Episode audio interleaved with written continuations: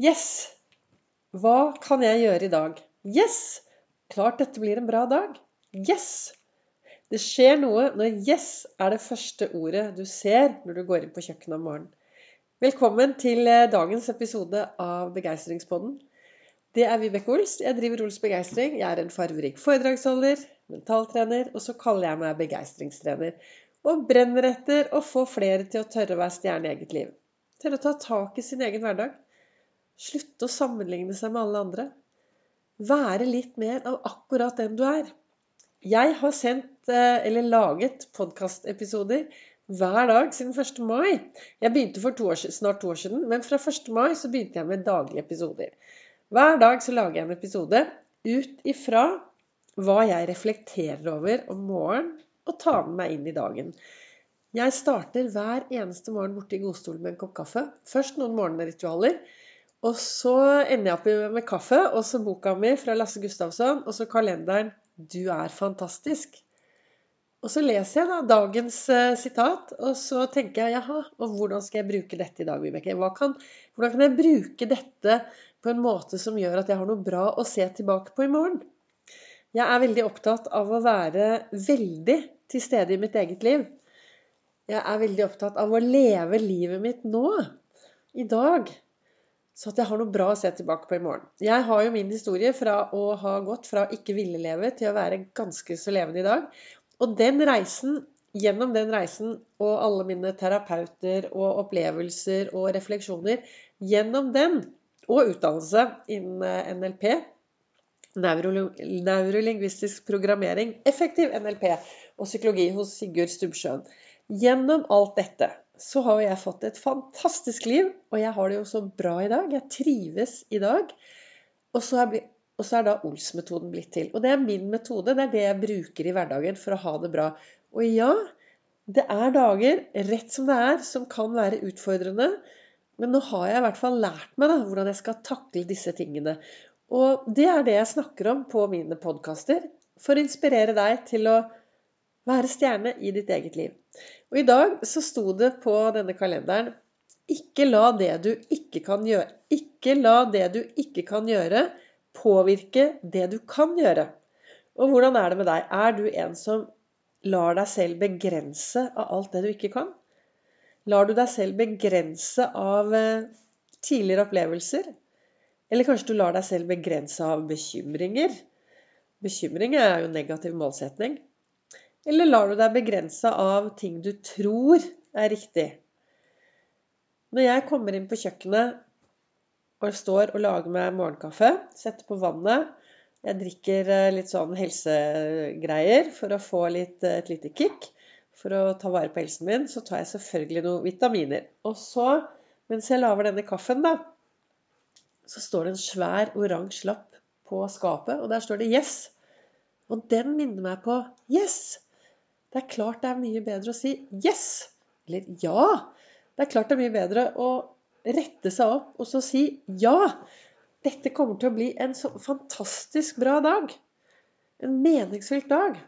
Gripe øyeblikkene.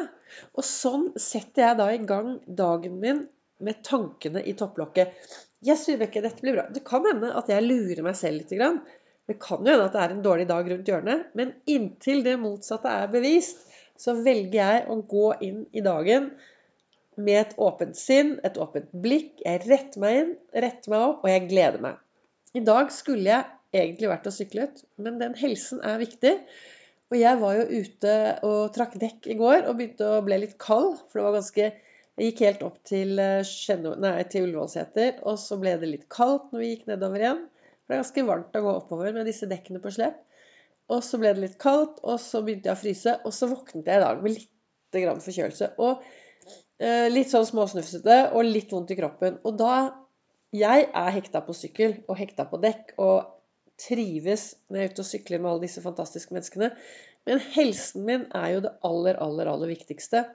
Så i dag morges så ble det snu seg rundt, sove litt lenger. Sto ikke opp klokken fire, sto opp litt senere.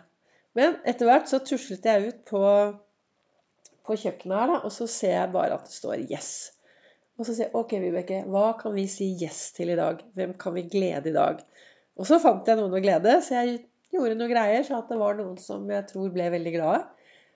Og så, og så, begynte jeg å leve dagen, og hopper inn i dagen. Og så er det dette som står da. Ikke la det du ikke kan gjøre, påvirke det du kan gjøre. Og jeg har jo begrenset meg selv eh, lenge, og ofte når jeg jobber med mennesker sånn én til én, så lager vi framtidsbilde, lager vi.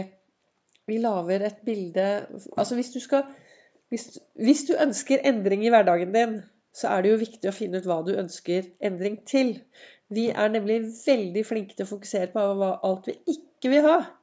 Og det er jo også noe av det samme er at ikke, det å ikke la seg påvirke av det du ikke kan, det du ikke vil ha. Det er viktig å Tenker jeg, da. Alt jeg snakker om, er jo hvordan jeg, Vibeke, hvordan jeg lever livet mitt. Hva jeg tenker, og hva jeg gjør. Som gjør at jeg i dag har Jeg har det gøy. Jeg har det gøy i hverdagen. Jeg har gode dager. Jeg trives i mitt eget liv. Jeg stortrives i mitt eget selskap.